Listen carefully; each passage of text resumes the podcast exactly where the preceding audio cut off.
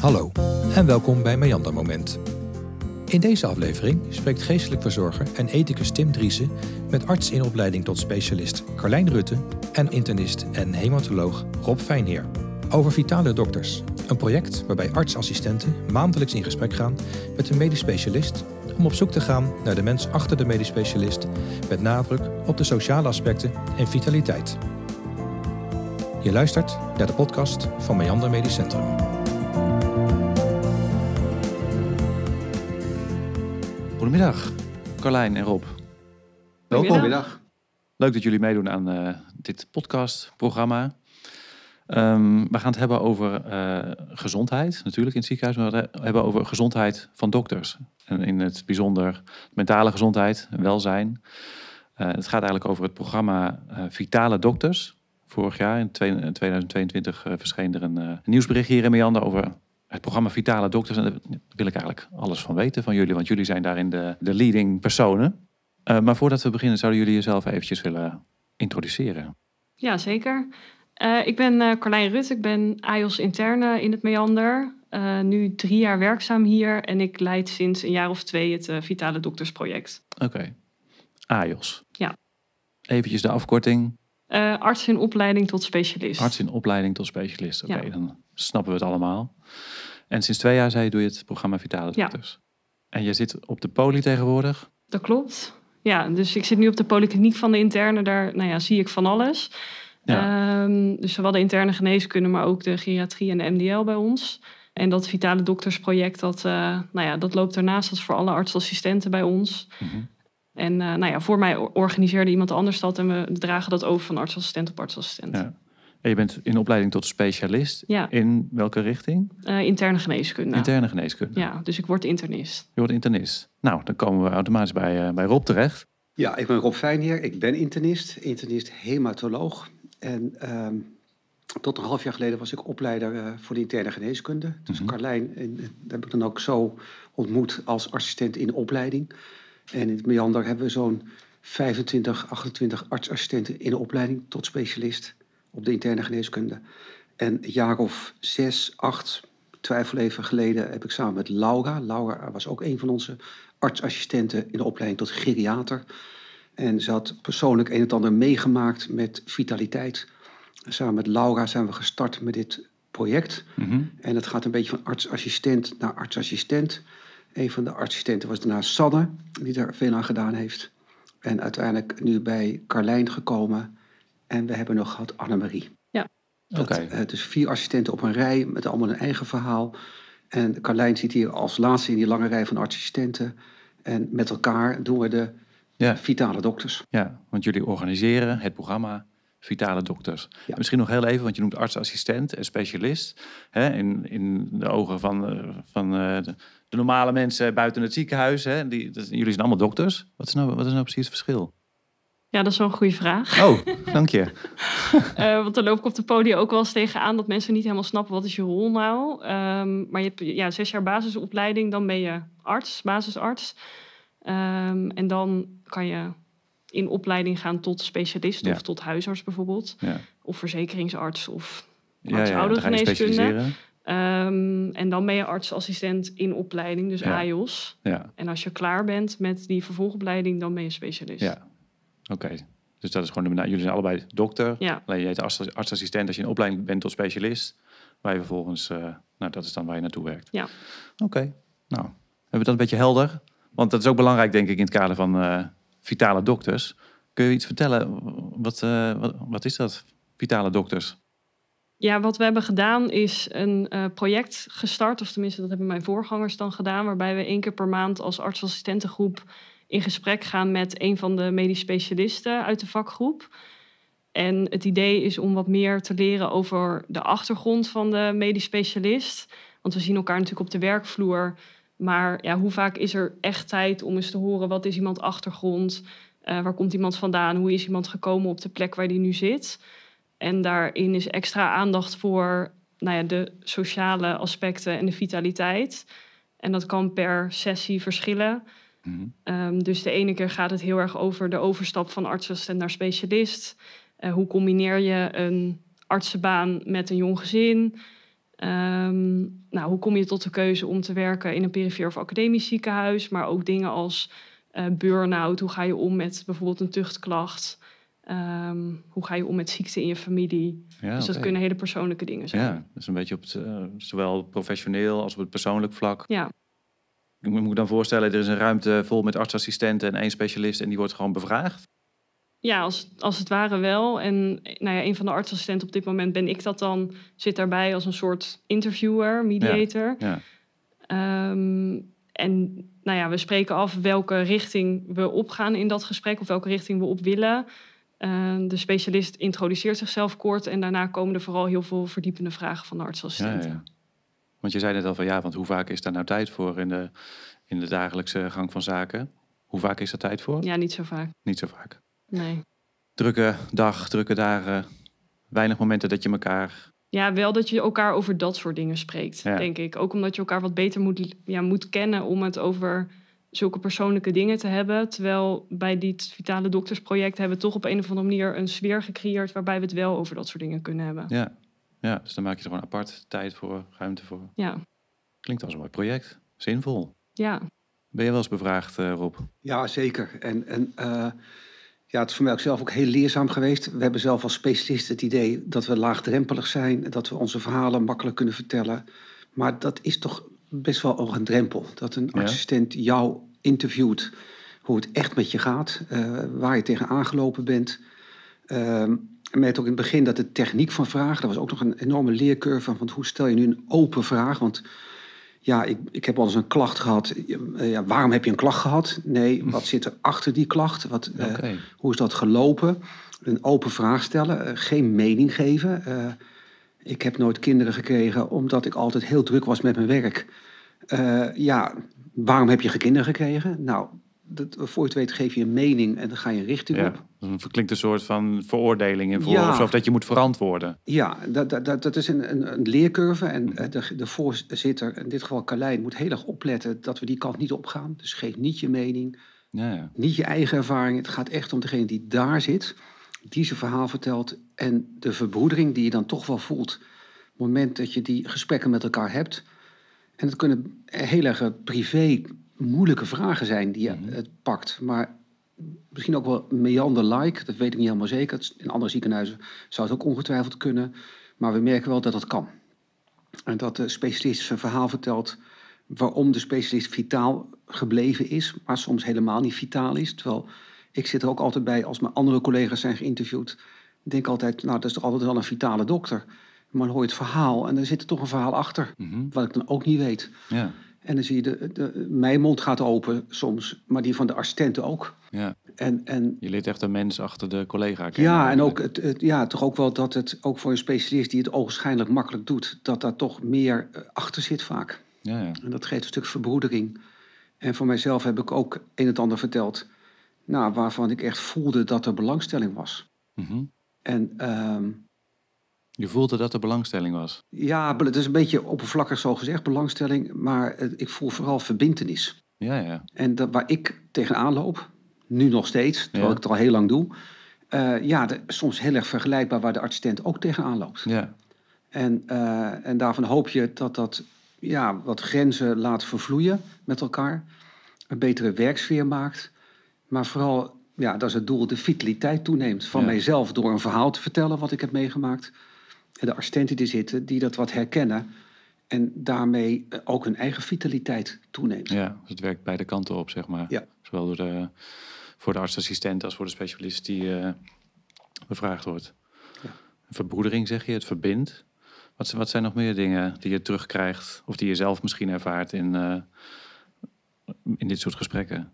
Mm, nou ja, wat ik wel leuk vind is dat we af en toe wel terug hebben gehoord van specialisten dat ze dingen hebben verteld tijdens zo'n vitale doktersessie die ze soms niet eens met goede vrienden op oh zo'n manier hebben besproken. Oké. Dus ik vind het wel heel bijzonder dat je met elkaar nou ja, zo'n gesprek kan hebben. Ja. Um, ja, en ik denk eigenlijk, hè, het is natuurlijk, het is begonnen als ja, burn-out preventie, maar in ieder geval gericht om, ja, om elkaar te spreken en met als doel misschien ook wel om burn-out te voorkomen.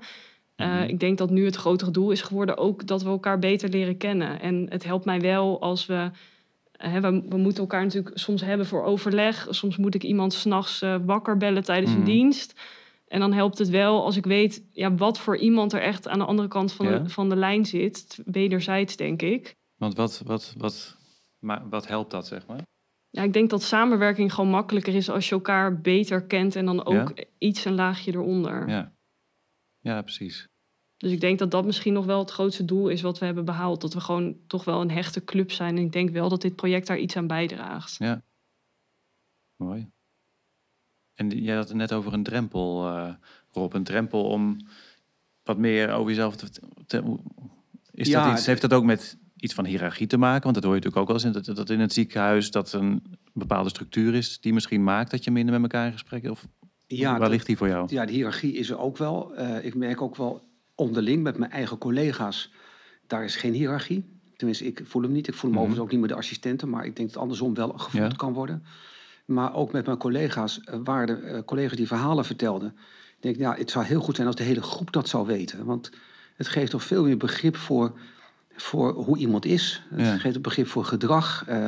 Voor een begrip waar eh, mijn collega's soms moeilijk mee kunnen omgaan. Dat weet je dan wel. Maar als je het een keer goed uitspreekt en doorvraagt en dat hoort... ja, dat maakt dat je beter samenwerkt. Ja.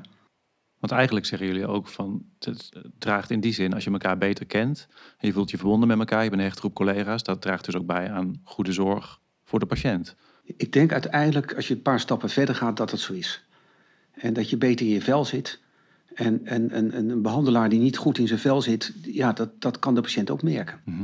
En het is natuurlijk niet het ultieme methode om alles weg te krijgen, hoor. Dat, zo moet, moet ook niet. Maar het helpt allemaal kleine stapjes. En eh, wat ook belangrijk is, hè, in eerste instantie begonnen als preventie burn-out. Ja, dat is heel gevaarlijk om te zeggen, maar ik denk dat we nu minder burn-out Ja. zien bij ons in het meander. Terwijl in de zorg in het algemeen die percentages heel hoog zijn. We- ik heb de indruk dat het wat minder vaak voorkomt nu, maar we hebben natuurlijk geen getallen over. En, eh, en de eerste assistent die dat begonnen is, Laura, eh, die had ook eigen ervaringen wat gemaakt heeft dat we burn-out, denk ik, in ieder geval sneller herkennen met z'n allen. En uh, dus die, die drempels die er dan zijn, die kunnen maken dat burn-out niet gezien wordt en dat het dan toeneemt Mhm. en tot ziekteverzuim gaat leiden. Ja. Nou, door die laagdrempeligheid en ja, met elkaar dit gesprek aangaan, hebben die vitale dokters als hele grote groep. Maar ook in de zijlijn is het denk ik mogelijk dat een assistent naar zijn opleider gaat, naar de specialist gaat, om ook buiten de vitale dokters dingen te kunnen bespreken. Ja, ja. Want wat je net zei, het, toen je zelf bevraagd werd en geïnterviewd, dacht ik van, oh, dat is wel mooi dat je dat zegt. Van, ik voelde dat er belangstelling voor is. Of dat er uh, betrokkenheid voor is. Het gaat eigenlijk over gezien worden. Ja, en aandacht voor een ander facet dan wat we hier de hele dag doen. Ja, dus, ja, dus niet op ik. je medische kunnen en nee, alles wat iedereen je, eigen uh, ik. je doet, En, maar dat je uh, gezien wordt in je eigen ik en waar je zelf mee uh, worstelt. Of wat Zeker. je juist energie geeft, zeg maar. Want dat is ook fijn om van elkaar te horen. Ja. Want het is ook niet zomaar een baantje wat jullie uh, hebben hier, toch? Jullie komen er wel wat tegen. Ja, en voor ons als artsassistent is het ook wel eens fijn om te zien... Um, hè, dat dingen waar, waar jij dan mee worstelt in jouw stuk van je carrière... dat medisch specialisten dat ook hebben gehad. Dus dat dat Ja. normaal is als het ware. En soms nog steeds hebben. Ja, Uh, dus ja, dat geeft dan ook weer wat herkenning uh, andersom. ja. ja, dat je niet de enige bent en dat ook de specialisten... waar misschien soms ook wel een beetje tegenop gekeken wordt, weet ik niet. Ja. Ja, zijn wel de specialisten. Nee, misschien minder dan vroeger, maar ja, het is... Ja. Ja. Nee, zeker. En wat Carlijn zegt is denk ik heel belangrijk. Wij hebben precies dezelfde problemen. Het lijkt in de opleidingssfeer dat daar de dingen zitten. En dat, dat, dat is natuurlijk wel een andere generatie. Er zit wel wat tussen. Ja. Maar op sommige dingen, zoals bijvoorbeeld werk-privé... is er heel veel werk-privé-balans. Is er heel veel overeenkomst. Ja. En, en uh, nou, dat is denk ik goed te horen...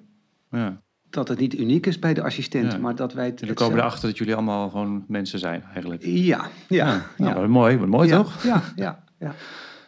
En was dit nou, was dit 30 jaar geleden ook mogelijk geweest? Want je zegt er is wel wat veranderd in de specialist of in de zorg of in hoe dokters zich. Ja, er is gigantisch veel veranderd. Er is echt heel veel veranderd. Het is al u en jij geworden. Hè? Dus van u naar jij gegaan. Dat is al een enorme overgang. Ja, dat wil je niet weten. Maar dat was Ja? 15 jaar geleden ondenkbaar. 15 jaar geleden. Ja, zo lang. Dat is een groot verschil. En ook voor de patiënt De, de assistent is een dokter en niet een leerling.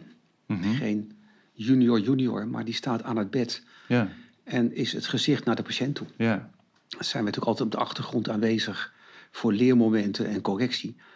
Maar eh, we zijn veel meer eh, naar de patiënt toe één team, ja.